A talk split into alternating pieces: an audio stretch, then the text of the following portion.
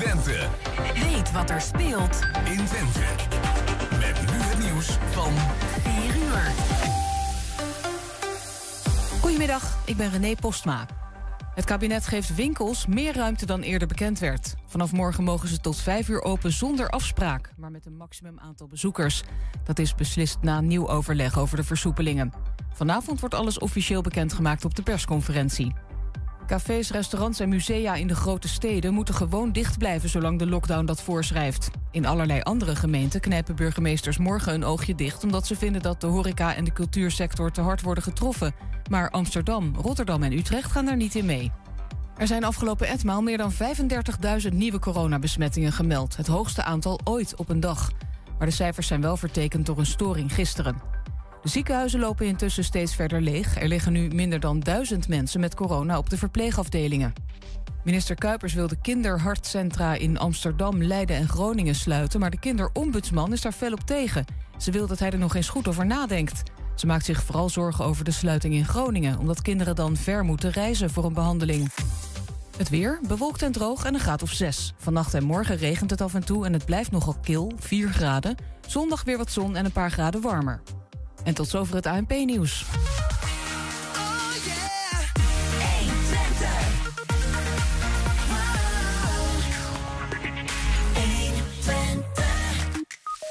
Ja, met enige vertraging zijn we dan toch live bij jullie. Andries Heidema, commissaris van de Koning Overijssel, sprak zich uit over de aanwijzing waarmee Enschede werd verplicht een noodopvang voor asielzoekers te realiseren. Ja, winkels en horeca gaan morgen open in Enschede. De gemeente gaat in elk geval voor even geen boetes opleggen.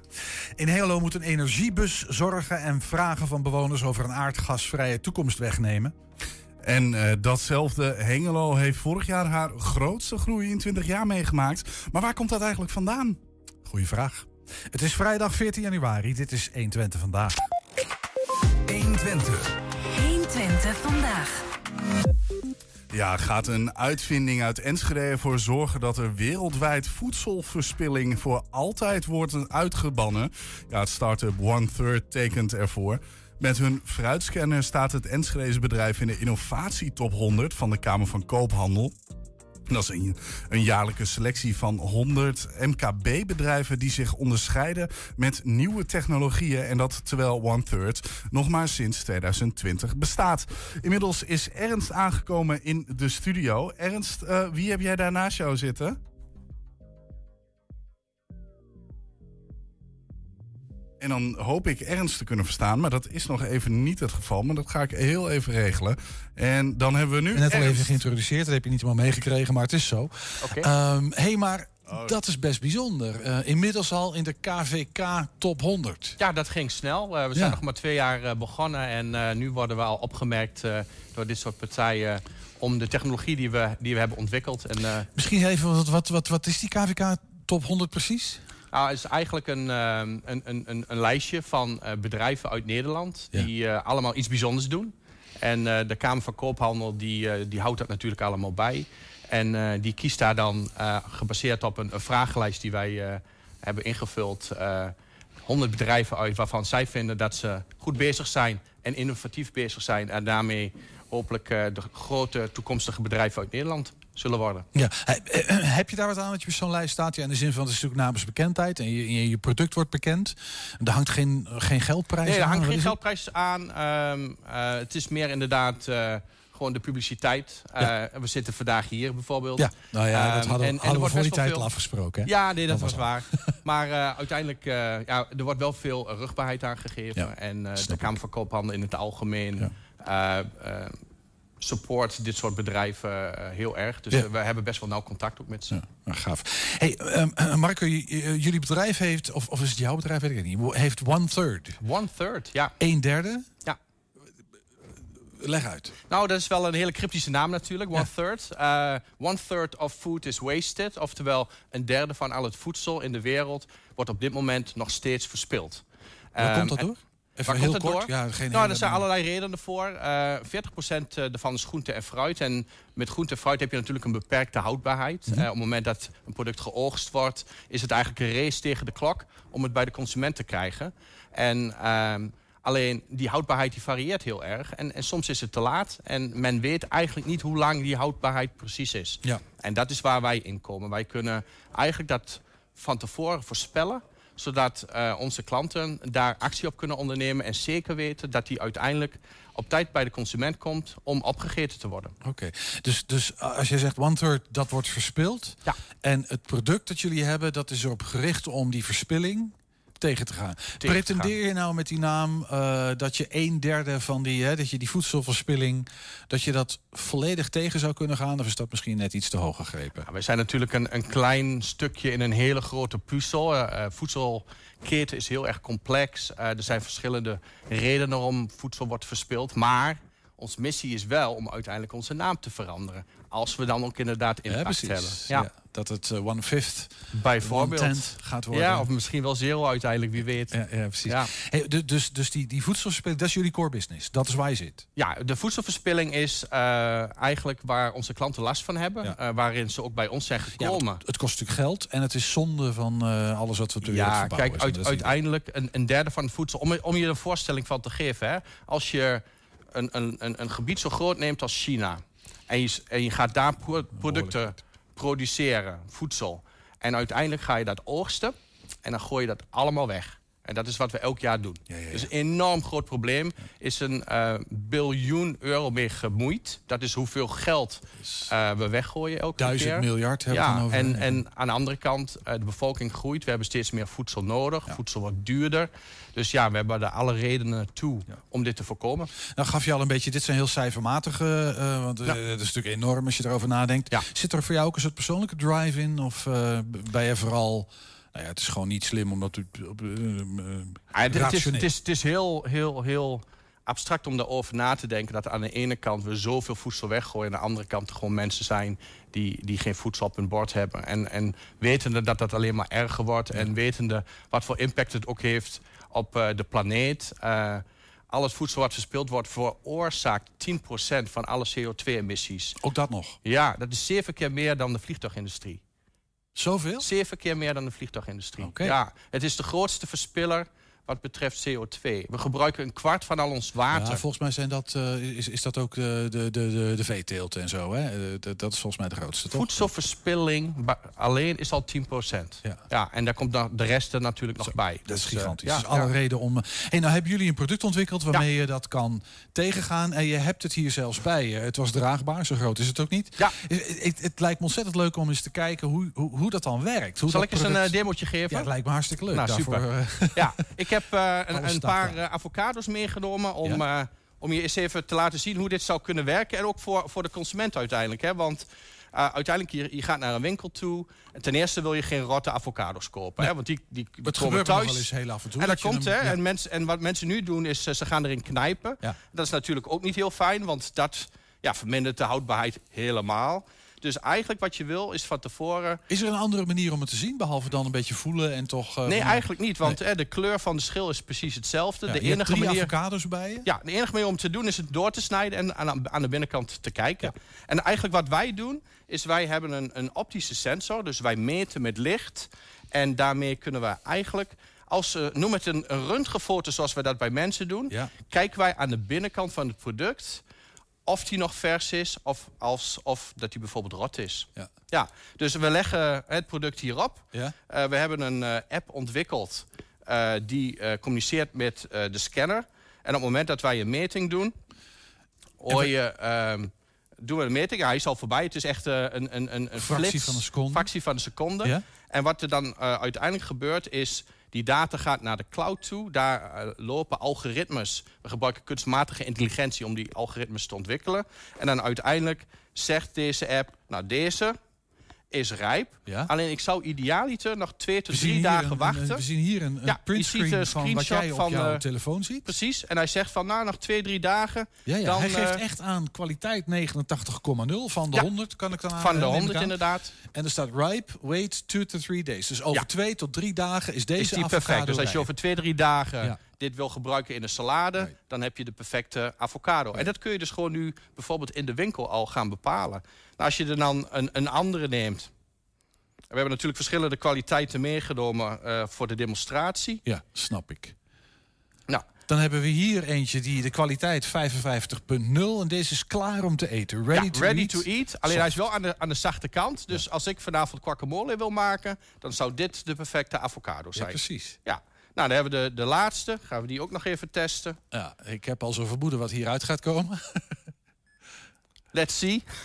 En die is kwaliteit 15.0, die is niet oké. Die is niet oké. En eigenlijk eh, wat, eh, wat die is, eh, dat, wat dat betekent is gewoon dat die rot is. Dus als ik deze nou opensnij, ik zal het voor de, voor Ja. de gein doen. De proof of the pudding. De op de lakmoesproef. pudding inderdaad. Dan gaan we kijken wat hij wat die doet. Nou, Ja, die is deze echt is echt eh, super, bruin. super slecht natuurlijk. Ja, ja. Dat is natuurlijk wel heel erg e- En, extreem. en eh, doe- die eerste nou eens. eh, nou, als we nou die eerste doen. eh, die was rijp. Over twee tot drie dagen. En dus nog redelijk gebruiken. stevig inderdaad. Kijk, deze is echt nog Ja. maagdelijk groen, zoals we zeggen. Je Hij is nog redelijk eh, wit-geel. Ja. En dat houdt eigenlijk in dat hij, ja, dat hij eigenlijk nog... En dan, dan, dan toch even perfect. die middelste ook. Dan wil ik ja, die dan doen we de middelste ook nog eventjes. Ja. En die zal een stuk eh, zachter zijn waarschijnlijk. Kijk, deze is eh, zacht. Die kun je mooi Ja, indrukken. hij is ook wat vochtiger, zie ik. Ja, vochtig is perfect voor eh guacamole. Ja, precies. Ja. Oh, jammer dat we dat nou niet even kunnen maken. hey, maar dit is, dit is natuurlijk voor een consument. Is dit heel handig? Ja. Heb je, is dit, maar dit ik neem niet zo'n ding mee in de supermarkt. Dat Nee. eh, zie ik niet zo snel gebeuren. Nee, maar uiteindelijk zou dit wel in de supermarkt... Hè, dat is ook de bedoeling, we praten met retailers... om uiteindelijk ook in de supermarkt dit soort technologie te integreren in, in, in de winkelervaring. Zodat een, een consument dat heel erg makkelijk kan doen. ja, dat je Vergelijkbaar met een staat. prijsscanner bijvoorbeeld. dan, dan stel ik me voor, zo'n ding staat dan in de winkel. En dan kan ik Precies. naartoe met mijn avocado. En dan zeg je van welke wil ik, wanneer heb ik hem nodig... en dan bepaal ik welke avocado ik neem in plaats van dat knijpen. Maar is, Ehm, is, is dit, ben je ook met dit product gericht op mij als consument? Of richt je je ook op de, de telers en de vervoerders en eigenlijk- de winkelketen? Eigenlijk waar we nu het meest actief zijn is in de keten. Dus Mhm. echt bij eh, de telers, vlak na het oogsten. Eh avocados komen bijvoorbeeld uit Peru. Ehm, die moeten helemaal hier naartoe met de boot. Ja, die worden eigenlijk zonde- even voor ons begrip, hè, want die worden volgens mij redelijk onrijp feitelijk geplukt. Ja, klopt. En, En die, dan- die gaan in de boot hier naar Nederland toe. Ja. Nederland is een hele grote importeur, de grootste in de wereld Oh ja? van avocado's. En vanuit hier gaat het naar de rest van eh, Europa toe. En hier worden ze nagerijpt. Dus dan gaan ze in de kamer, dan worden ze gerijpt, dan gaat de temperatuur iets omhoog. Ja. Tot het juiste moment dat men zegt, oké, nu moeten ze naar de winkel. En dan hebben we nog een paar dagen om ze te eten. Maar als ik jou goed begrijp, was die, die, dat juiste moment... dat was altijd een beetje knijpen en voelen en een beetje gokken. Precies. En met deze scanner kan je dat eigenlijk heel precies bepalen. bepalen wanneer je deze zou moeten eten. Ja. Maar je zou dat ook kunnen gebruiken voor eh, andere producten. Dus we hebben ook algoritmes voor aardbeien, voor blauwe bessen, voor tomaten. Want die hebben allemaal ook een beperkte houdbaarheid. En er is niks zo erg dat je nu een bakje aardbeien koopt in de winkel... en morgen wil je hem eten, je haalt hem uit de koelkast en er zit schimmel op. En dat gebeurt, dat heeft iedereen wel eens meegemaakt. Ja. En dat betekent dat we eigenlijk te laat eh, dat bakje hebben gekocht. Dus we hadden eigenlijk die, die bakjes eerder in de winkel willen krijgen. En, en dat kan onze, ons systeem dus al bij de teler... of misschien in het distributieproces kunnen proberen... om de juiste bakjes in de winkel te krijgen... zodat wij die nare ervaring niet meer hebben. Nee. Betekent dat nou ook dat eh, op het moment dat je dit ergens in die keten doet... Hè, dat je dan op dat moment kan bepalen van... oké, deze avocados die zijn zo en zo rijp of deze aarda- eh, aardbeien. Ja. Ehm, ik heb nog drie dagen. Betekent dat ik drie dagen tijd heb om ervoor te zorgen dat ze Dat bij ze in de... de winkel komen. Ja. Maar, maar het kan ook zijn dat het nog maar een dag is. Dus dan moet je eigenlijk heel snel zorgen dat je, dat je Ja. daarvan afkomt. Hè? Dat ja, om, om, een- om een voorbeeld te geven. Een distributeur levert eh, bijvoorbeeld aan het buitenland, maar ook aan Nederland. Ehm, als wij verschillende partijen hebben met verschillende kwaliteiten, verschillende houdbaarheden... Ja. kun je je voorstellen dat er een vrachtwagen met tomaten eh, naar Engeland geëxporteerd wordt. Want die Ja. tomaten zijn lang genoeg houdbaar. Ja. Een vrachtwagen die gaat hier naar Nederland en heeft ook nog genoeg tijd voor de consument. Maar een andere vrachtwagen die is net niet goed genoeg. Maar die gaan we dus ver- verwerken. Ja. Die gaat in een salade verwerkt worden of in een sap verwerkt worden. Ja. Zodat we Precies. uiteindelijk toch gebruik maken van die producten. Ja. Maar ze niet op transport naar Engeland Nee. brengen. Zodat daar uiteindelijk eh, de de tomaten worden afgekeurd en, en nooit opgegeten worden. Maar dan kan je natuurlijk niet eh, van een hele partij al die avocados gaan zitten scannen. Nee, dus het is- maar dan moet je wel weten. Het dat is een partij- sampling, hè? dus je doet een, een, een, een, eigenlijk een, een typisch een badge, een vrachtwagen, is redelijk homogeen. Dus je pakt er een aantal uit. En dat doet, doet men nu ook. Hè? Nu kijkt men met ogen. Dus keurmeesters kijken wel van is die goed of niet. Maar soms zie je dat niet aan de buitenkant. En wat wij doen, wij geven eigenlijk hun de mogelijkheid om ook in de binnenkant te kijken. En daardoor betere beslissingen te nemen. Ja. En daarmee ga je dus die verspilling eh, natuurlijk. En daarmee tegen. ga je de verspilling ja. tegen. Heb, heb je nog, ik, dit, dit, buitengewoon handig, eh, Ja. kan ik me zo maar voorstellen. En ik kan me voorstellen dat het ook echt scheelt. Heb je nog andere van dat soort eh, voedselverspilling tegengaande producten in ontwikkeling? Of zijn jullie verder aan het... eh, Nou ja, kijk, dit is natuurlijk een scanner waar eh, uiteindelijk eh, wordt het een soort eh, point-and-shoot scanner. Waarmee de keurmeester echt naar de vrachtwagen toe kan. Ja. Dat gebeurt helemaal draadloos. Eh, wat we ook, eh, waar we ook aan werken zijn camera's die ook al bij je binnenkomen direct kunnen detecteren of een badge goed is. Dus meer en meer geautomatiseerd. En uiteindelijk, hè, je had het over de consument. Er komen dit soort sensors komen gewoon in telefoons terecht. Die ontwikkeling is al bezig. En dan hopen wij dat wij de apps hebben en de applicaties hebben... zodat jij inderdaad straks in de winkel die juiste avocado kan kiezen. Je maakt me blij. Hey, Ja. eh, nog heel even naar die, naar die KVK eh, Top 100. Eh, want de- dat is niet zomaar een, een, een lijstje van innovatieve, interessante bedrijven. Hè? Maar daar, daar, daar wordt ook wel iets, er zit wel een rangorde in of er wordt een winnaar uitgekomen. Ja, dus op dit moment weten we alleen dat we op de lijst staan. We weten nog niet waar op de lijst. Dat wordt eh, volgens mij begin februari wordt dat eh medegedeeld. En eh, wie weet waar we dan terechtkomen. En als je dan zou winnen, wat zou dat betekenen? Nou, nog meer publiciteit. Ja. En daar zijn we natuurlijk heel erg blij mee. Want het houdt in dat mensen dus zien wat de waarde is van onze technologie. Dankjewel Marcus Nikkers, ook voor je demonstratie. Graag gedaan. eh, Het was en, leuk om hier te eh, zijn. We zien de toekomst met vreugde tegemoet. Nou, super. Dankjewel. Zometeen, de Enschedeze horeca gaat morgen open. En we praten met Brigitte van der Heijden van Friends. En Bas Linders, uit, uitbater van Los Sueños en lid van Verenigd Horecastad Enschede. En we zijn ook als podcast te luisteren via alle bekende platforms. Je vindt daar de hele uitzendingen en elke dag één item uitgelicht. 120. 120 vandaag. Ja, commissaris van de provincie Andries Heidema was gisteren te gast op de noodopvang voor asielzoekers op vliegveld Twente. Die eh, kwam tot stand na een aanwijzing van staatssecretaris Broekers-Knol. Collega Ernst sprak hem over die aanwijzing die naderhand vooral bluffpoker van het kabinet bleek te zijn. En daarna vroeg eh, Ernst Heidema naar zijn rol en zijn mening. Ik vroeg mij af, wa- wa- wat is de rol van de provincie precies in, dit, eh, in, zo'n noodopvang? Dat is een zaak tussen het COA en de regering eh, met een aanwijzing. eh, Ja, en- de gemeente. Gemeente? Ja, dat klopt. Waarom bent u hier? Ehm, ik ben als eh, commissaris van de Koning eh, ben ik door het Rijk gevraagd. Ik, commissaris heeft twee rollen. Hè. Je bent een soort burgemeester van Overijssel, voorzitter van het bestuur van, de van de provincie. Maar je bent ook Rijksheer. En in die laatste rol, vertegenwoordiger van het Rijk in de provincie, ben ik gevraagd om partijen in Overijssel bij elkaar te brengen. Om het grote probleem wat we in Nederland hebben.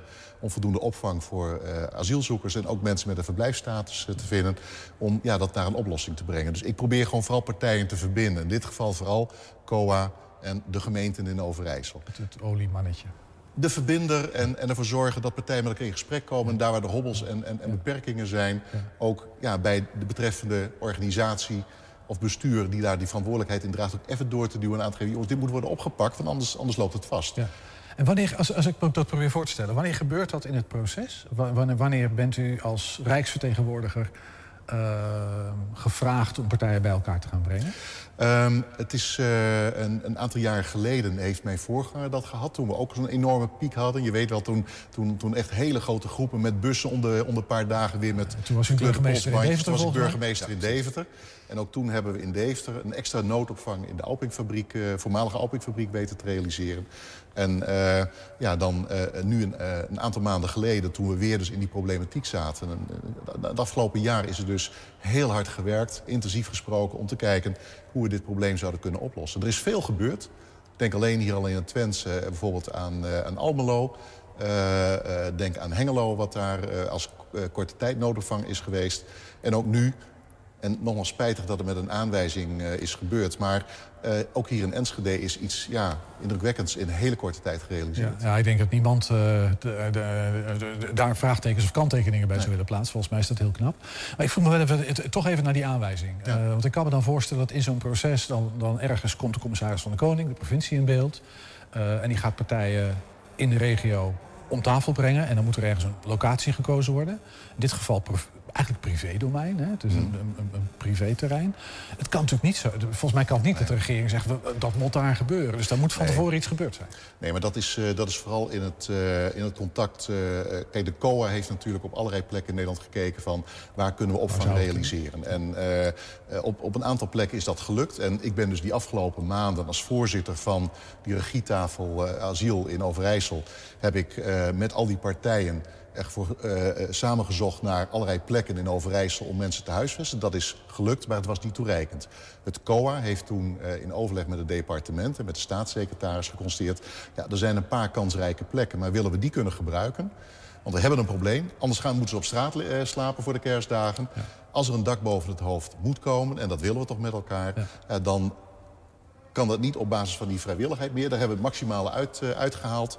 En uh, ja, dan is er uh, enige drang nodig. En dat heeft de staatssecretaris op deze manier gedaan. En dus een aantal locaties waarvan bekend was dat ze op zich geschikt waren, ja. om die dan, uh, dat, die dan aan te wijzen. Ja, precies.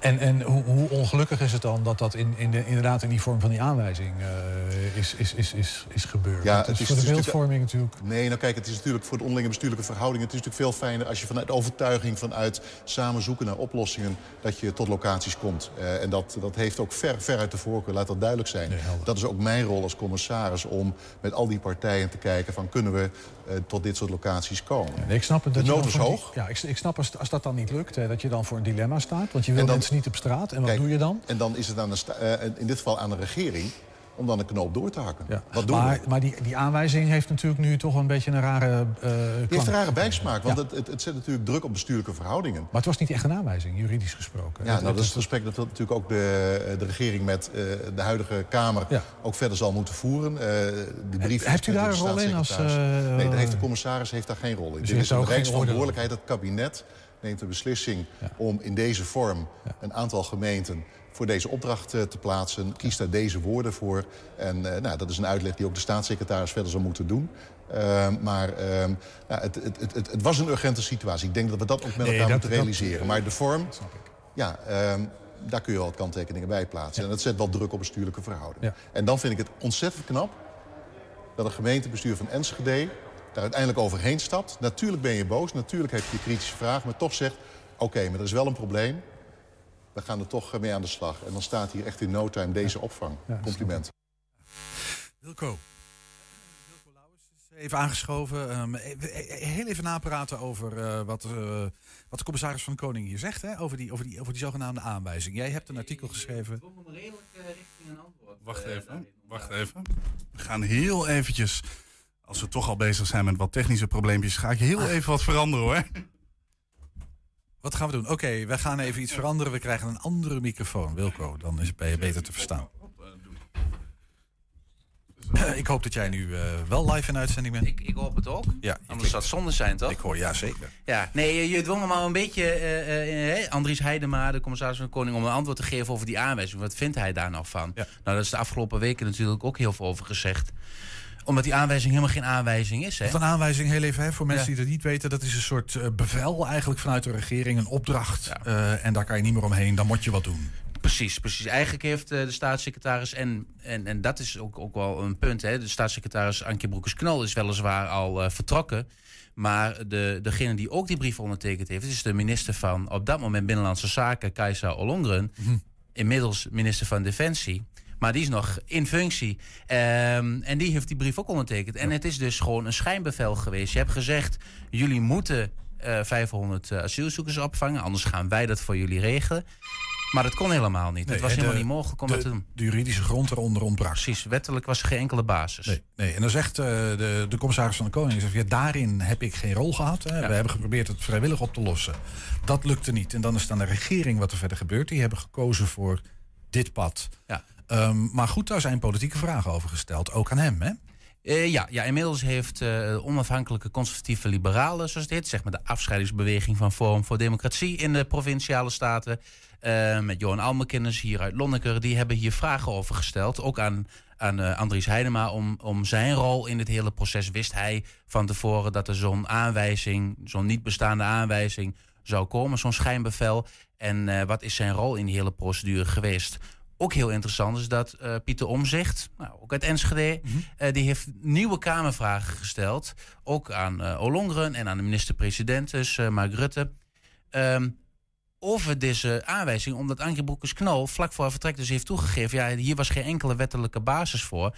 En nu, nu wil Omzicht ook weten van... Um, hebben jullie hiermee misschien wel bewust de grondwet geschonden. Want als jij wetende dat jij uh, een brief ondertekent waarin jij een bevel doet wat geen bevel is, dan overtreed je uh, de regels. Hè? En, en, en dan noemt omzicht een artikel in het wetboek van strafrecht van kun je uitleggen, hè? en dat is dus het am in dit geval, eigenlijk vraagt om zich kun je uitleggen waarom hier wel of niet sprake is van een ambtsmisdrijf. Right, maar dat zijn vrij, vrij forse Die termen. gaan ver, ja. ja. Precies, en jij hebt het ook een beetje portie bluff, bluffpoker, uh, ja, bluffpoker ja. genoemd. Hè? Ja, zo kun je het wel noemen. Hè? Je, je, je, de, je, je doet een schijnbevel eigenlijk in de hoop dat dan uh, ja, de gemeente maar gewoon... Want Enschede denkt, oh, aanwijzing, aanwijzing, nu moeten we wat. Klopt. En feitelijk was dat helemaal niet zo. Nee, nee en Venray, die is daar dus wel tegen verzet geweest. Die heeft nou tegen de overheid gezegd van, nou, kom maar met jullie juridische onderbouwing. Ja.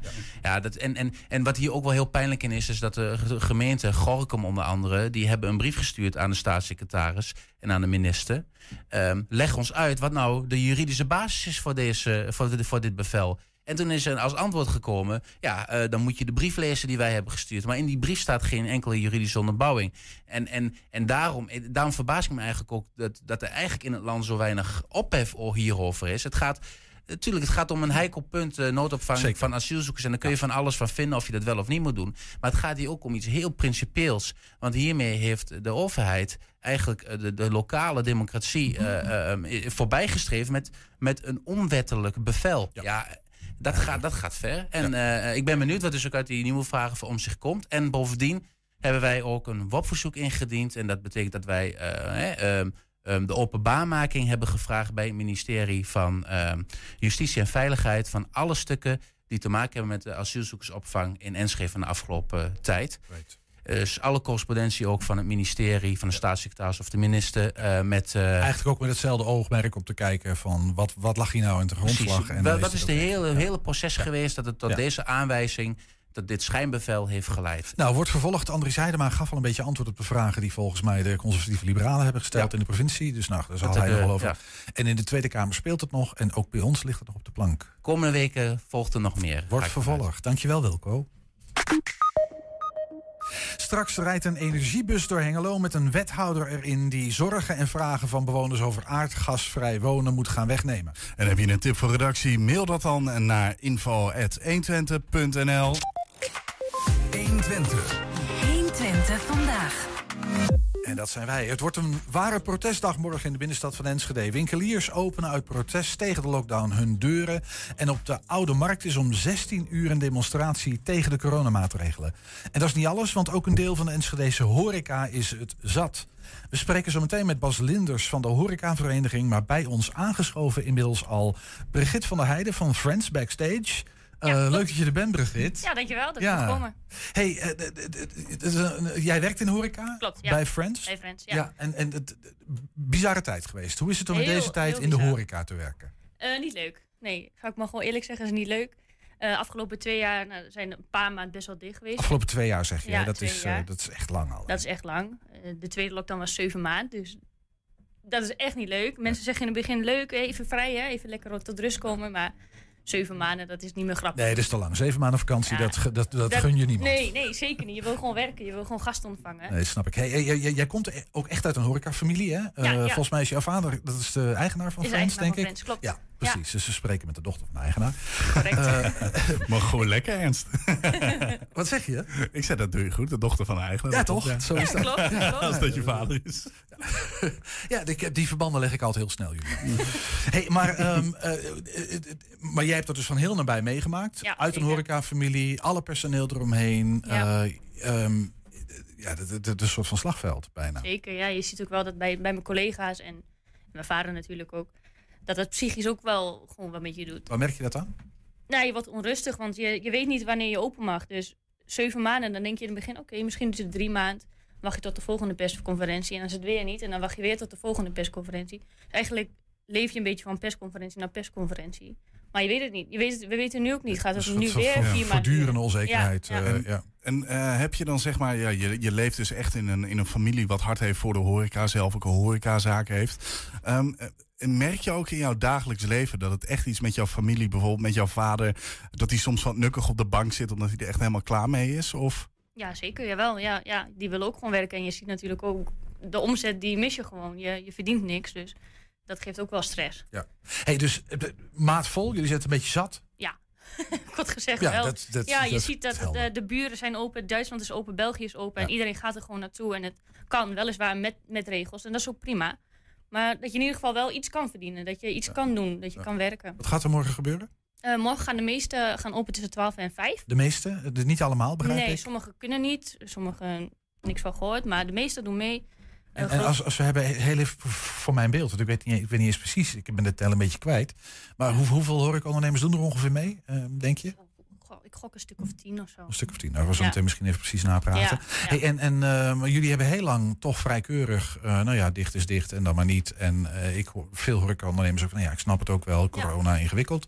Ehm, maar waarom nu toch morgen van ja, Ja, nou, het is nou al de zoveelste keer. En, je, en inderdaad, je ziet dat bij de buren wel kan. En, en de winkels gaan nu weer open. En nu is het van, nou, waarom blijven Ja. wij achter? waarom de winkels wel, wij ja, niet? waarom de winkels soort, wel, waarom wij niet? We willen ook echt heel goed meewerken met de regels. We hebben het nooit lastig gedaan. En als je zegt we, bedoel je dan alle horecaondernemers of bedoel je vooral Friends? deel, ja. Nou, daar spreek ik wel voornamelijk voor Friends. Eh, als het regels zijn, dan doen we er gewoon aan mee. Eh, Aan de telefoon hebben we ook eh, Bas Linders, als het goed is, van de vereniging Horeca Stad Enschede. Hallo Bas. Hey, goede, wat is het? Middag. Ja, we leven zeker. Middag. Ja. Ja. Hey, heb je het een beetje meegekregen? Jazeker, Herken jij het verhaal van, eh, van, eh, van Brigitte? absoluut, absoluut. Ja. Dat is natuurlijk iets waar wij eh, als, als horecaland in heel den landen mee te maken hebben. Met name hetgene wat, wat ze ook aangeeft. Het gevoel van oneerlijkheid op het moment dat je naar de, de buurlanden kijkt, waar gewoon de omzet eigenlijk naar wegvloeit. Ja, dat eh, voelt natuurlijk niet goed. En dat geldt zeker voor een grensstad als Enschede natuurlijk, hè? Dat kan ik Absoluut. me voorstellen. Ja. Ik bedoel, als je midden in het land woont, dan, eh, dan, nou ja, is dat wat minder aan de orde. hey, nou, nou is het morgen één dag, eh, Bas. Ehm, maar is dat nodig, die ene dag? Ik bedoel, wat, wat, gaat, dat, wat gaat dat toevoegen? Nou, is dat nodig, die ene dag? Kijk, die ene dag is natuurlijk eh, op zichzelf staand niet nodig. Want wat nodig is, is dat we gewoon open kunnen. Ja. En niet één dag.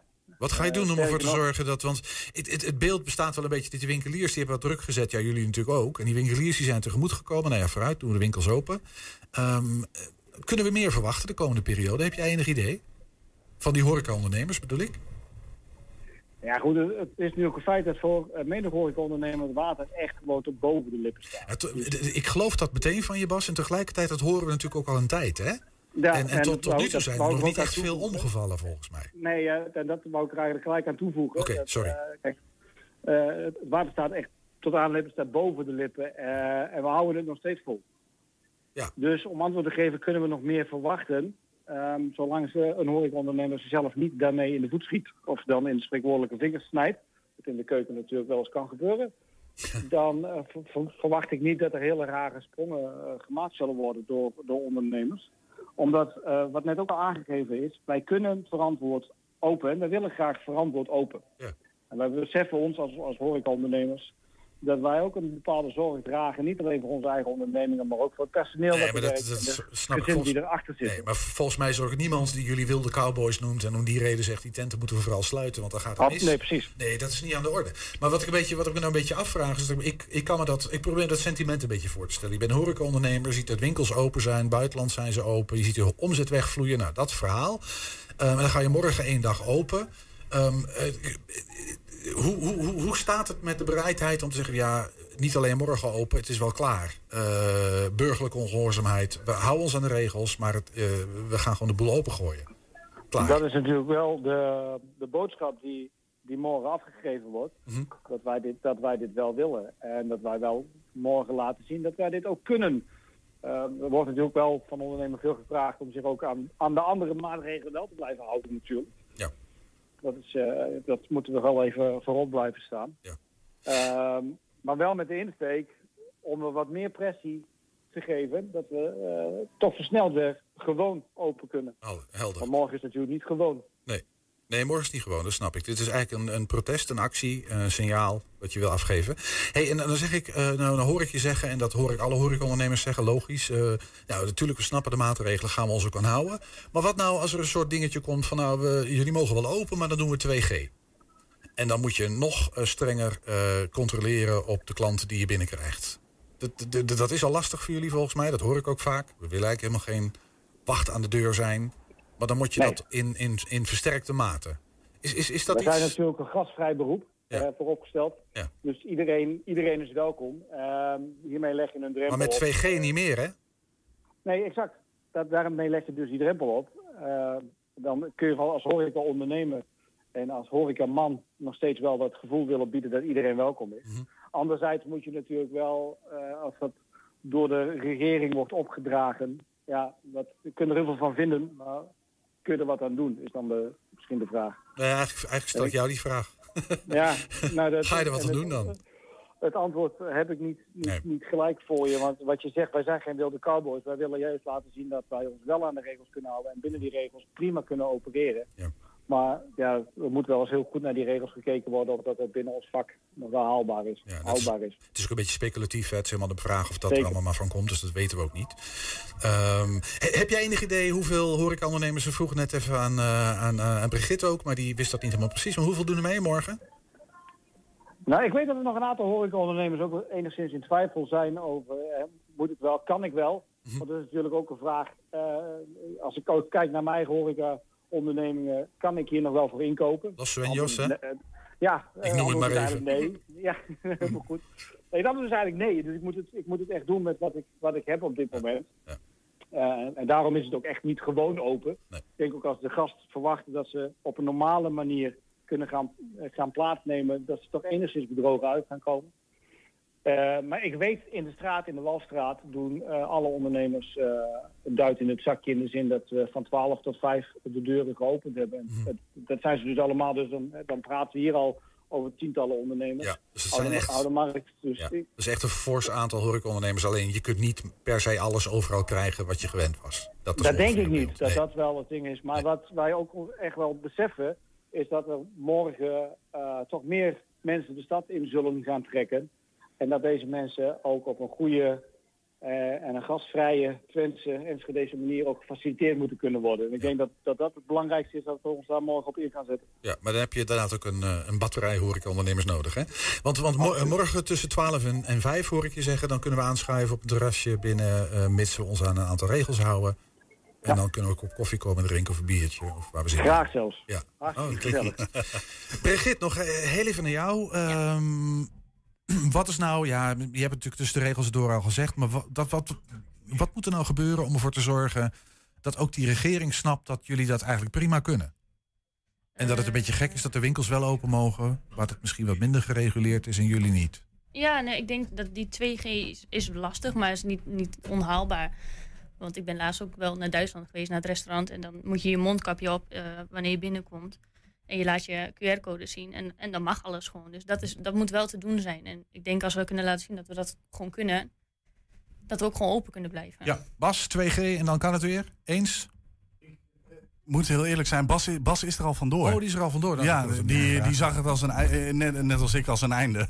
dus, dus, ja, dus Bas is er vandoor. Bas, bij deze, als je ons nog hoort, ik had nog een prangende vraag voor je. Ja. Maar, eh, hey, ehm eh, Brigitte, ja, nou dan toch met elkaar morgen open. Alle hens aan dek, iedereen Ja. is er. Even Al kijken was hoe het het maar om het, om het feestje mee te Ik ben vieren. benieuwd, ik ben benieuwd. Ja, oké. nou, wie weet gaan wij komen. Dankjewel dat je even hier wilde zijn en eh, jullie geluid wilde laten horen. Ja, ik hoop op een mooie zonnige dag morgen voor jullie. Ik hoop het ook, op dat het gezellig wordt. Ja, Gaan we voor. Dank je. dankjewel. Ja, wethouder Claudio Brugging steekt eh, steekt niet onder stoelen of banken dat de gemeente en de sterke voorkeur heeft voor aansluiting op het warmtenet, maar neemt nog geen definitief besluit. Ja, met de zogeheten energiebus trekt Brugging de wijk in om vragen te beantwoorden om deze zorgen weg te nemen. We hebben eh, gisteren als college besloten om een tussenstap te maken voor de nijverheid als het gaat over de grote vraag die in deze wijk leeft. En straks ook in andere wijken in Hengelo is van hoe gaan wij van het aardgas afkomen? hoe zorgen we ervoor dat de aardgasafsluitingen dat die afgekoppeld worden? Maar dan moet er wel een alternatief eh, zijn. En dat alternatief, daar zijn we nu eh, een jaar of drie mee bezig hier in de nijverheid. Om daarover na te denken van wat zou een goed alternatief zijn. Daar zijn we nog niet helemaal over uit college denkt dat een warmtenet, dat was eerder ook al uitgesproken, warmtenet eigenlijk best wel een goede oplossing zou kunnen zijn. Maar uh, we willen dat besluit nog niet nemen, omdat wij wat dat betreft nog te weinig duidelijkheid hebben, ook vanuit de nieuwe regering. over de vraag van ja, hoe gaan we dat nou precies financieren? De laatste dagen, maanden, weken is er nog best wel wat over te doen geweest. prijsverhogingen. Het, het ziet er nou uit dat het misschien met draagvlak van het warmtenet misschien niet helemaal op dit moment helemaal goed is. Nou, ik, ik, ik, merk inderdaad dat daar nog wel wat vragen over zijn. Van wat is nou uh, zo'n warmtenet? Hè? Uh, daar spelen allerlei vraag, uh, vraagstukken omheen. Eén daarvan is natuurlijk ook nou, de betaalbaarheid daarvan. Ook, ook de warmtenetten die er al zijn. Hè? Dit gaat dan over een nieuw warmtenet, maar ook over bestaande warmtenetten. En ik denk dat we daar echt uh, nog wel wat uit te leggen hebben. Ook uh, merk ik ook nu in de Hengeloze Raad. Uh, ook flinke, flinke prijsstijgingen voor de warmtenetten. Wat ik dan ook daarnaast wel wil zeggen is dat de aardgasprijs... als je dus nu dus op aardgas aangesloten zou zijn... dat die prijsverhoging nog veel hoger zou zijn. Dat vergeten mensen dan vaak. En dan kun je zeggen, ja, daar is concurrentie, dan kan ik naar een ander. Maar die heeft dezelfde aardgasprijs. Dus dat schiet dan ook niet echt op. Uh, bij warmtenet zit je aan die aanbieder vast, dus die bepaalt dat. En uh, ja, dat geeft een gevoel van onmacht. Maar ja, het eerlijke verhaal is wel dat als je nu een cv-ketel zou hebben die op aardgas is gestoken, zit je met hetzelfde probleem. Een, een belangrijk gespreksonderwerp, heb ik nog niet eens uh, aangestipt, is de, is de isolatie van de woning. dus energiebesparende maatregelen, buitengewoon belangrijk. we hebben het natuurlijk over het alternatief voor, voor aardgas. Maar als je in staat bent om je huis wat beter te isoleren... en, uh, en allerlei maatregelen te treffen... waardoor je energieverbruik gewoon evident omlaag gaat... is dat altijd een goede oplossing. Dus dat gesprek willen we ook uh, aangaan. En daarnaast willen we het gesprek aangaan over het alternatief voor, uh, voor aardgas. En wanneer is de verwachting dat er een besluit kan worden genomen... over welk alternatief er voor de nijverheid gaat gelden? Ja, zo snel mogelijk zeg ik dan als, als wethouder. Dat is een beetje, een beetje een makkelijk antwoord. Uh, maar ik weet het niet precies. Uh, dat hangt ook af van het gesprek met het, uh, met het Rijk. Ehm, zijn zij in staat om ons snel duidelijkheid te kunnen geven... over die haalbaarheid en betaalbaarheid? zijn er mogelijkheden om bepaalde alternatieven die we dan zien... om daar, om daar ook bijdrage in te kunnen doen... zodat we het behaalbaar en betaalbaar kunnen maken voor de inwoners? Dat soort vragen moeten beantwoord worden. Anders kunnen we die stap niet maken. Ik kan pas een definitieve oplossing uh, aanbieden aan de gemeenteraad... als ik die vragen heel scherp kan beantwoorden. En wanneer dat antwoord uh, gegeven kan worden, weet ik niet precies. Ja, zometeen. Zoals altijd kijken we even vooruit naar het weekend dat FC Twente wacht. En dit is het eerste competitieweekend na de winterstop. Ron Jans heeft een puzzel te leggen. 120. 120 vandaag. Ja, Hengelo is gegroeid. Uh, ja, en hoe? Vorig jaar de grootste groei in 20 jaar tijd. De wereld telt inmiddels 81.544 Hengeloers. Overijsselse wel te verstaan. Ja, dat is berekend door de rekenmeester van Kennispunt Twente... die voortdurend onderzoek doen in opdracht van de Twentse gemeente. Eigenaardig is wel dat het kennispunt uit de nieuwjaarstoespraak... van burgemeester Theo Bovens moest horen... dat, uh, dat Enschede vorig jaar de 160.000 aantikte. ja, dat is mooi. Hoe zit dat? En wat er achter al die cijfertjes zit, ja, dat vragen we aan Jos Quist, dataspecialist van Kennispunt Twente. Jos, uh, welkom. Fijn dat je er bent.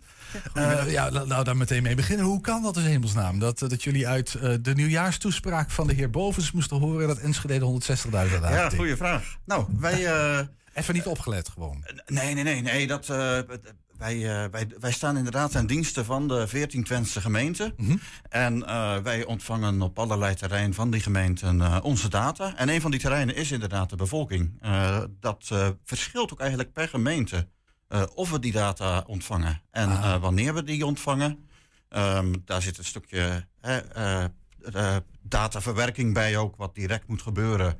Uh, na het nieuwe jaar, als je inderdaad binnen twee weken na ja. het nieuwe jaar je cijfers wilt kunnen presenteren ja, tot dus, in detail. Dus, dus als die 160.000ste Enschede er net zo ongeveer een weekje voor oud en nieuw is geboren, dan kan het zijn dat jullie dat nog niet wisten, maar de Enschede er al wel uh, kennis van had. Dat, Dat eh, dat waar. kan zijn. Ik denk dat dat. eh, maar het gaat met name erom dat wij. eh, heb, we krijgen niet puur een, een getalletje binnen van. Oké, de, op, op deze datum is die geboren. Nee, we krijgen een vrij uitgebreid bestand binnen. Waarin we eigenlijk best wel veel. waarop we best wel veel analyse kunnen doen. Van waar komt die bevolkingsgroei of eventueel de bevolkingskrimp, waar komt die nou vandaan? En dat hebben we dus voor Hengelo wel eh, al heel erg in het begin van deze maand ontvangen. En daar hebben we dus ook analyses op kunnen doen. Ja. En eh, ja, daar komen toch wel een paar, een paar interessante gegevens uit. Ja, Kijk, jij daarvan, ja, misschien heel even voordat we naar die cijfers duiken. Ja. Hè? Want dat kennispunt Twente, je gaf al aan, we werken voor die 14 Twentse gemeentes. Ja. Eh, en het is een kenniscentrum. Is, is het een, een datacentrum, een soort CBS van Twente? Moet ik me dat erbij voorstellen? Of, eh, Ja, dat is wel een hele goede benadering. Je kunt ons inderdaad het Centraal Bureau voor de Statistiek van Twente noemen. Ehm daar moet ik wel bij zeggen dat we eh, niet alleen van de statistiekjes zijn. We doen wel wat meer dan statistiek. We zijn een kennispunt. Dus we proberen ook echt te zorgen voor kennis bij de gemeente. Voor een stukje inzicht in de data. En dat betekent dat je dus eigenlijk uitleg geeft bij die cijfers. Dat, is, we uitleg eh, geven bij die cijfers, ja, inderdaad. right. Wel zo objectief mogelijk. Hoeveel mensen werken er bij het kenniscentrum? Ik heb ruim twintig collega's. Ik dacht dat het er nu 23 zijn die, eh, die bij ons werken. En die dus zich eh, keihard inzetten voor de vele, vele data die er eh, rondgaat bij de. Twentse gemeente. Ja, want dat is, eh, dat is eh, steeds meer in, eh, in deze tijd. Hè. Data steeds- is het. dat eh, is steeds meer. En we jullie hebben jullie eh, zijn golddiggers eigenlijk. Ja, nou ja, eh, zou je bijna wel kunnen zeggen. Want wij hebben eh, bijvoorbeeld eh, afgelopen jaar een toeltje ontwikkeld om onze data versneld te verwerken. En dan hebben wij het eind van vorige maand, dus aan het eind van het jaar, hebben we even gekeken. Hoeveel hebben we dat toeltje nou gebruikt?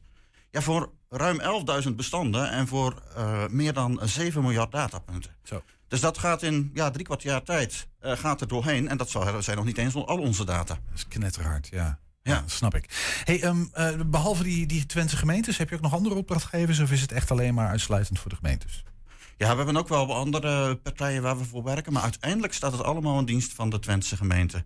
Een voorbeeld is dat we bijvoorbeeld een, een, een samenwerking hebben met, een, eh, met woningcorporaties. Om te kijken naar de kwaliteit van leven en, en, eh, in, in de woonwijken.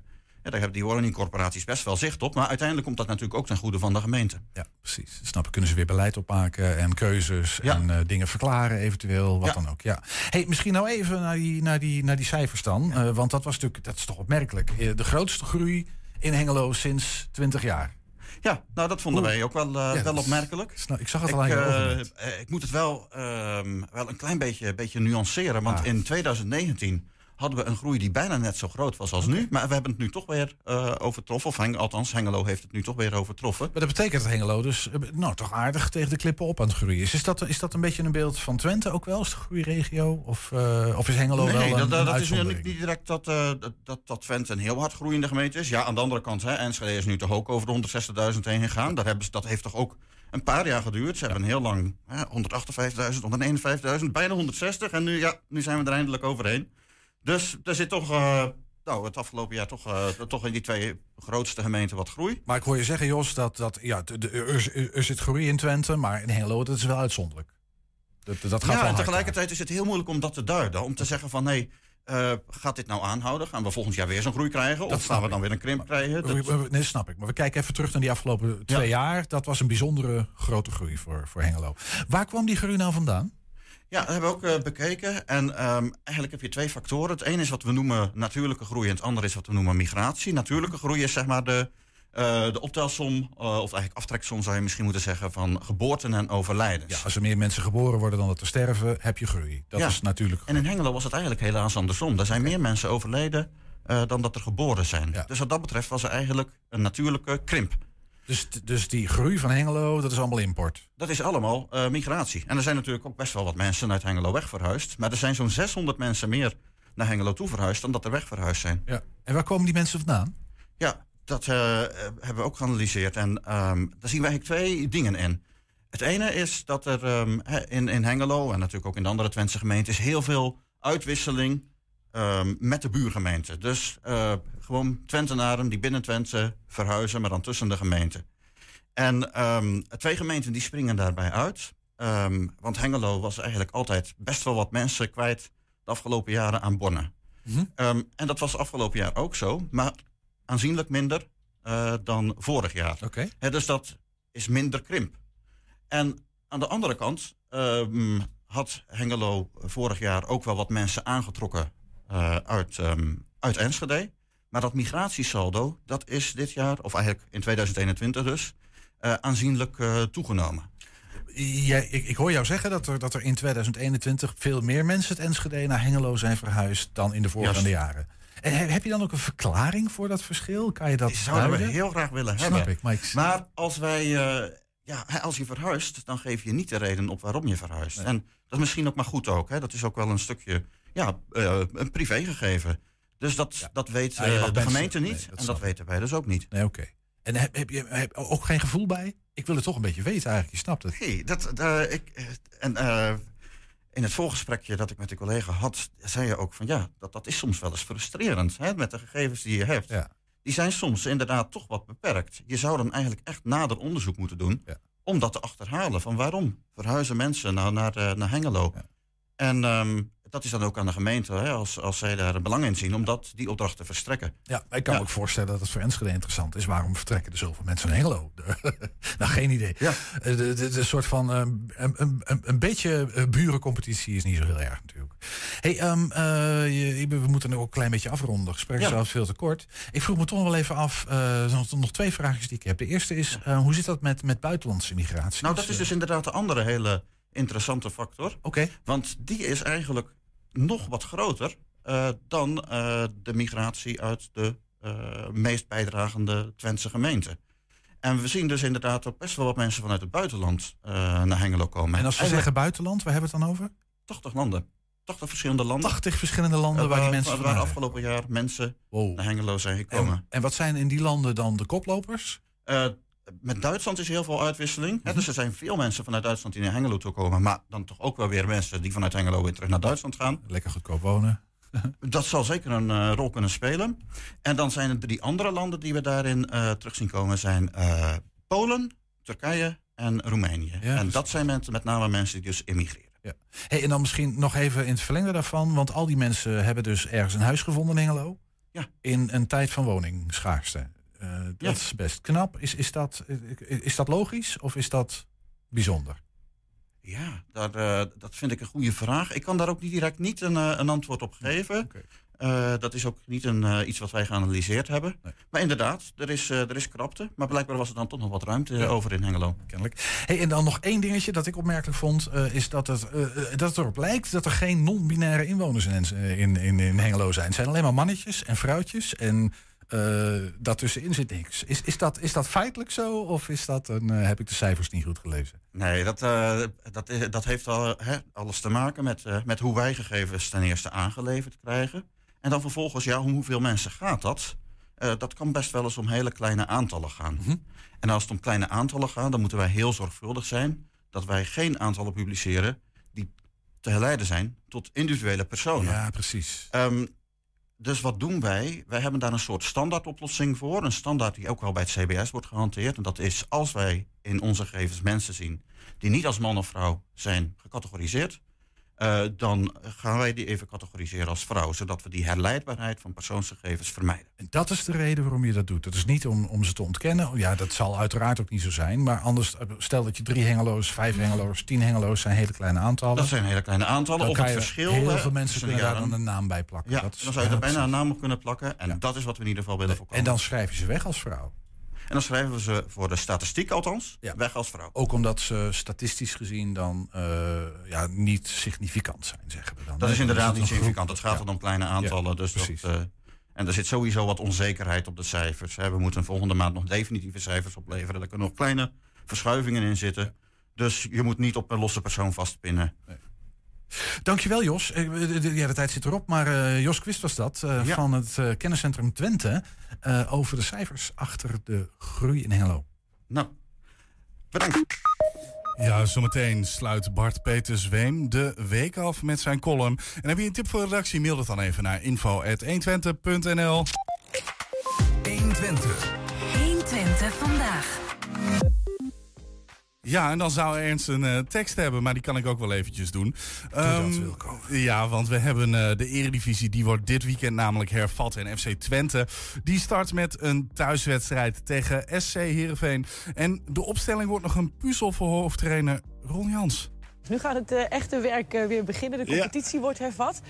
Nu hadden natuurlijk vorige week eh, jou ook voor de Kamer na die oefenwedstrijd. Toen waren er wat kleine dingetjes. Nou, dat is genoeg gezegd over de buikklachten van Michel Flap. Die is volgens mij weer helemaal fit, of niet? Ja, dat eh, zit allemaal weer op de goede plek. eh, ja. Hij had jou er nog even over aangesproken, begreep ik? ja, maar hij vond het wel mooi. Dus, maar hij kreeg van uit zijn eh, familie- en vriendenkring wel wat eh, reacties. Hoe het was eh, eh, geformuleerd. Maar ja, het was precies zoals het was. Hè. Ja. Nou, ik ga het rijtje even af. Eh, Daan Rots was er toen niet bij vanwege een coronabesmetting. Daar kan jij gewoon een beroep op doen? Ja, hij is eh, vandaag voor het eerst eh, weer bij de groep. Maar Daan staat er fysiek altijd zo goed op. Heeft ook eh, individueel gewoon zijn, zijn, zijn werk gedaan. Dus die, die sluit vandaag aan en die is morgen ook bij de wedstrijdselectie. Er kwam ons wel te oren dat er een nieuwe besmetting bij is gekomen. Om wie gaat het? Eh, dinsdag bij de uitslag van de PCR-test en ook de sneltest die we hebben gedaan... is uh, is, eh, is positief. En ja, hij voelt zich hartstikke goed. Hij hoopt dinsdag weer aan te sluiten. Maar ja, het komt nooit goed uit en elke speler. En dat is, ja, dat is vervelend. Ja, tegenvaller dus voor hem ook, voor jullie ook. Dus meteen de vraag weg of je met hem ging starten in de basis. Want je kan die, geen beroep op hem doen. Dus Nou, Hij gaat niet starten morgen. Nee, dan, Wordt, dan wordt hem dus niet. Ehm, dan even de vraag Wout Brama. Want dat was natuurlijk voor de winterstop. eh, zei je van, nou ja, de, de- hè, deze eerste seizoenshelft wordt hem niet meer. Eigenlijk was de hoop dat hij aan het begin van de voorbereiding... op, op deze tweede seizoenshelft kon aansluiten. Dat liep ook iets uit. Is dat nou deze week gelukt? Is hij aangesloten?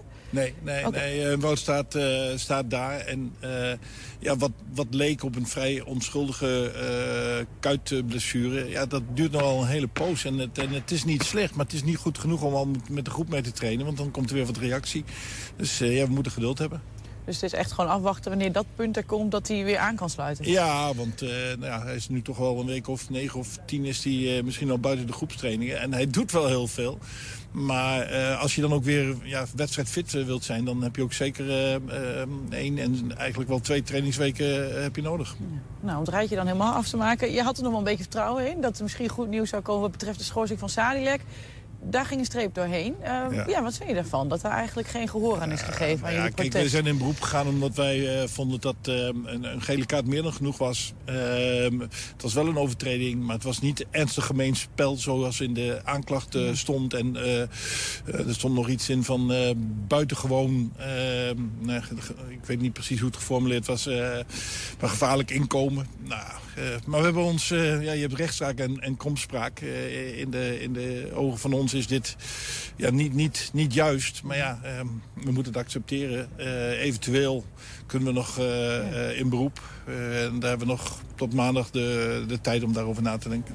Dus dat... eh, Maar het is, eh, het, is, het is gewoon heel jammer, omdat uh, Sadilek, Brahma... maar daar tegenover staat dat ja, de deur gaat open voor anderen. En Ja. die krijgen het volste vertrouwen. ja, dus over dat beroep, daar hebben jullie nog geen besluit over genomen? Nee, we hebben vanmorgen pas gehoord dat, dat de straf blijft staan. En ja, we hadden al het gevoel, ik ben er zelf niet bij geweest... maar Jan Strooijer en Bart Bruins en Mika Sadilek wel. Je hebt ook niet het gevoel dat daar een echte voetbalsfeer... eh, het, het is een beetje een juridische sfeer. Ehm, misschien is het wel verstandig dat er misschien wat meer ook wat, wat voetbalachtergrond in zou zitten... maar die discussie die speelt volgens mij al jaren. Ja, je zegt dat de deur weer open voor andere spelers. Eh, Na die oefenwedstrijd zei jij van... eh, het is niet per se een wedstrijd om heel veel één op één uit te kunnen halen naar Herenveen toe. Ehm, het is wel zo, jij zei ook, ehm, en ook qua opstelling misschien niet één op één... dat dat meteen de basis is voor Herenveen, maar... Er wel meer spelers in de eerste helft dan in de tweede helft zijn. Dus een beetje globaal gezien, die, die eerste die start 11, zeg maar, waar jij mee begon tegen Eintracht Braunschweig. Is dat wel een beetje een grote lijn en waar we rekening mee kunnen houden? In grote lijnen wel, ja. Ja, ja ik zie jou gezegd, ik ga er ook niet dieper op in, want ik weet al wel wat we dan Nee, gaan maar, zeggen. maar het klopt wel wat ik toen eh, zei, Ja. eh, waar we mee starten. Dat, dat- dan zijn er meer spelers vanuit eh, de eerste dan in de tweede helft tegen Braunschweig. Ja. Maar het is geen kopie. Nee, dus nou ja, als we het dan bijvoorbeeld hebben over het middenveld... waar nu dan veel problemen liggen... Mogen, kun je niet zomaar zeggen dat dat je start middenveld Nee, gaat nee, worden. nee. En, nou, sowieso uh, Chenny, die Nee, start eh, volgens nee. mij. Dus die kan er sowieso niet eh, bij zijn, helaas. Nee. Ehm, ga je iets zeggen of wil je iets zeggen over het middenveld? Wie je daar gaat opstellen? Of laat je dat dan dus ook nog even in het midden? Omdat dat, ja... Nou, ja. Daar ga ik niks over zeggen. Nee. Ehm, jullie coronagevallen besproken. Heerenveen had ook een, eh, een flinke besmettingsgolf. Dat lijkt wel weer aardig op de rit. Heb jij dan een beetje, ehm, probeer jij dan een beetje achter te komen... in hoeverre dat die spelers daar in hun fitheid heeft teruggeworpen of niet? Nee. nee. Eh, we volgen natuurlijk uh, alle, al het nieuws over de komende tegenstanders altijd op de voet.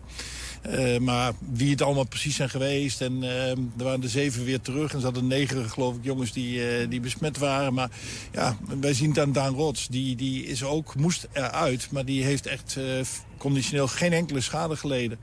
Dus ja, we, zien het wel. Maar het is, de grootste vraag is natuurlijk voor uh, iedereen rond die wedstrijd. Ik denk dat ze aan, aan Johnny Jansen, de trainer van Herenveen, zullen vragen van...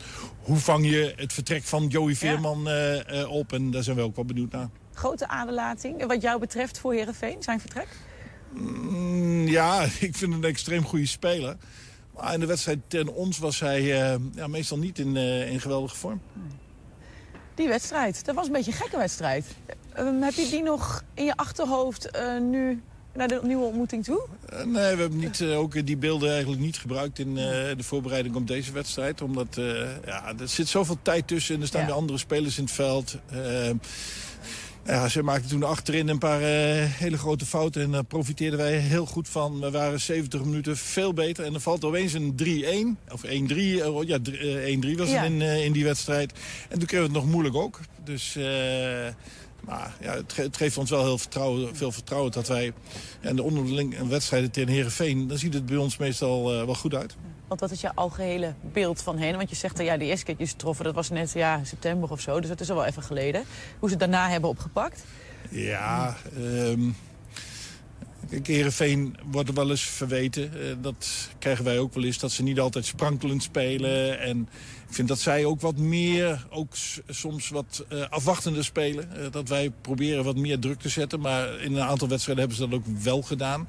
Maar ze hebben wel een, een, kwaliteit om, om, om zeg maar de nul te houden. Of in ieder geval goed verdedigd te staan als, als team.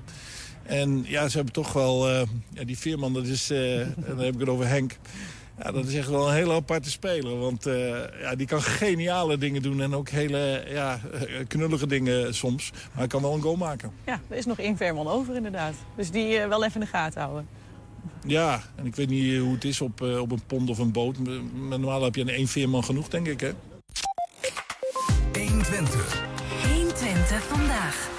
Ja, aangeschoven Bart Peters Weem. Hij, hij, is, hij is weer terug, de eerste van yes. 2022. Hè? Yes. Gelukkig, ja. gelukkig nieuwjaar, Bart. Ja, de, mag niet meer, hè? Mag, mag, nee, ja, maar nou, mij ja, ja, dat zeg ik. Ik heb ook eens iemand die zei, de beste wensen, en die mag je altijd doen. Ja, wel nee. echt, ga je wel, je, je geeft, geeft wel een beetje over. Dan je, als iemand dat zegt, maar toch ondanks, het is wel goed bedoeld. Ja, nee, maar dat is net zoals dat, dat ik appte jou. Ik zeg, ja, ik wil je toch wel nieuw, nieuwjaarswensen wensen. Maar ja, dat, dat kwam, kwam er bij mij allemaal niet zo lekker uit. En toen heb jij mij daarna dik genoemd. ja, dat, dat was mijn autocorrect. Wat zei ik ook alweer? Ja, je zei uh, jij ook uh, iets met breedte. Oh ja, de, breedste, de breedste wensen. Ja, de breedste mijn, wensen. En toen, ja, maar ik ben, ik ben zo iemand... Ja, we zijn nu toch al te laat. Loop ja, ja, ja, we zijn toch... Uh... Maar ik kan, dus, ik kan dus heel slecht over, overweg met mijn mobiel om daar tekst in te doen. Ik ben echt een soort, als een soort bejaarde. Ik zit dan met mijn wijsvinger één voor één die letters in te doen. Ik probeer het dan ook te doen. Maar dan zie ik mensen, dat zijn dan jonge mensen met twee van die duimen. Ik weet niet, misschien Ernst doe jij dat ook wel. Je bent niet jonger dan ik. Maar twee van die, en dat komen teksten uit, man. Hele epistels, hele, hele romans. Dries, nee. Dries heeft zelfs zijn boek geschreven op zijn telefoon. Ja, jongens, zijn complete biografie. Ik geef het nieuw weer een beetje over in mijn mond. Time-out, we dwalen helemaal af. Ja. Wij willen toe naar het epistel van deze week. Uit de duim, het hoofd of misschien de telefoon van Bart Petersveen. Of uit de pen. Beste luisteraar, daar zijn we dan in het nieuwe jaar met nieuwe kansen. Want een nieuw getalletje om het jaar aan te geven, dat verandert natuurlijk alles. En laten we eerlijk zijn, 2021, dat bekte toch al niet lekker. 2022, dat klinkt veel beter. Dit wordt ons jaar. En ik was er al heel lang helemaal klaar voor. Alleen moest ik eerst nog boosteren. Nog wat? Nog boosteren. Coronaprik 3 halen. Dat heet dan een booster. Vroeger was de booster nog een kermisattractie. Yes. Yes, yes, de booster, come on, do it. Nog een rondje in de booster. De booster was een kermisattractie met zo'n karretje, met zo'n stang. En als je daarin ging, dan werd je misselijk. Dus wat betreft misselijkheid na afloopt, lijkt eh, het eigenlijk best wel op die boosterprik. Alleen beschermt zo'n kermiskarretje je niet tegen corona.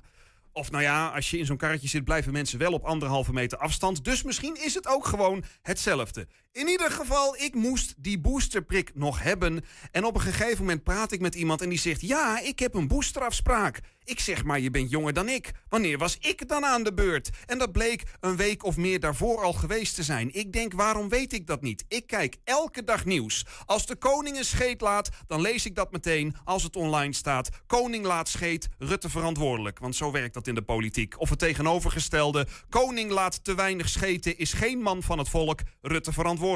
Eigenlijk is de koning een van de weinige dingen waar Rutte verantwoordelijk voor wordt gehouden. De zorg plemt in elkaar, huizencrisis, stikstof en klimaat. Dat is nou eenmaal niet anders. Koning laat scheet, Rutte verantwoordelijk. Misschien moeten we de koning gaan vragen om zorg te gaan leveren. Dan kunnen we Rutte daar eindelijk op aanspreken. Maar ik dwaal af, waar had ik het ook alweer over? Oh ja, ik lees het nieuws dus online en snel. Maar daar stond niet wanneer ik aan de beurt was voor een boosterprik. Niemand van de NOS die mij dat vertelde. Geen idee hoe ik dat dus op tijd moest weten. Dus dan ben je de overheid. Ik ga toelichten. En dan zeg je dus als overheid: hey, jij, jij moet boosteren. Dat is heel belangrijk. Oh ja, ja, heb je de boosterprik nog niet? Ik? Nee, dan zou ik dat maar snel gaan regelen als ik jou was. Hup, boosteren. Jij moet boosteren. Yes, come on, do it. Nog een prikje. Oké, oké, oké, overheid, dat is goed. Wanneer moet dat dan? Nou, dat wordt pas later bekend. Maar je moet dus wel boosteren. Oké, overheid, kun je misschien dan op dat moment als het zover is dat dan even laten weten? Nee, dat kan niet. Niet. Maar jij bent toch de overheid? Ja, maar dat kan niet. Ook geen mailtje? Nee. SMS? Nee. Appje? Nee. Dat is allemaal veel te moeilijk voor de overheid en te veel werk. De overheid kan mij niet even zeggen: hé, hey, je bent aan de beurt voor een prik. Dat is toch raar? Ik snap dat niet. He, laat dat even weten als dat zo belangrijk is. Als het echt belangrijk is, geef die info dan op de meest prominente plek in de nieuwjaarstoespraak van de koning. En dan lanceren we zo ons met de booster 2022 in. En mocht de koning daarbij een scheet laten, dan is Rutte verantwoordelijk. Heerlijk, dankjewel. Ik ga alvast het nieuwe woord voor 2022 uh, introduceren. En dat wordt... Scheet? Nee, dat wordt boosterhunker. Ah. En daarmee zijn we aan het einde gekomen van 120 vandaag. Terugkijken, dat kan direct op 120.nl. En vanavond om 8 en 10 op televisie. Zometeen kun je hier gaan genieten van yours truly, Julian Vriend. Met Vrijdag is voor je vrienden. Veel plezier en tot maandag. 120. Weet wat er speelt 120. Weet wat er speelt in Twente. Met nu het nieuws van 4 uur. Goedemiddag, ik ben René Postma.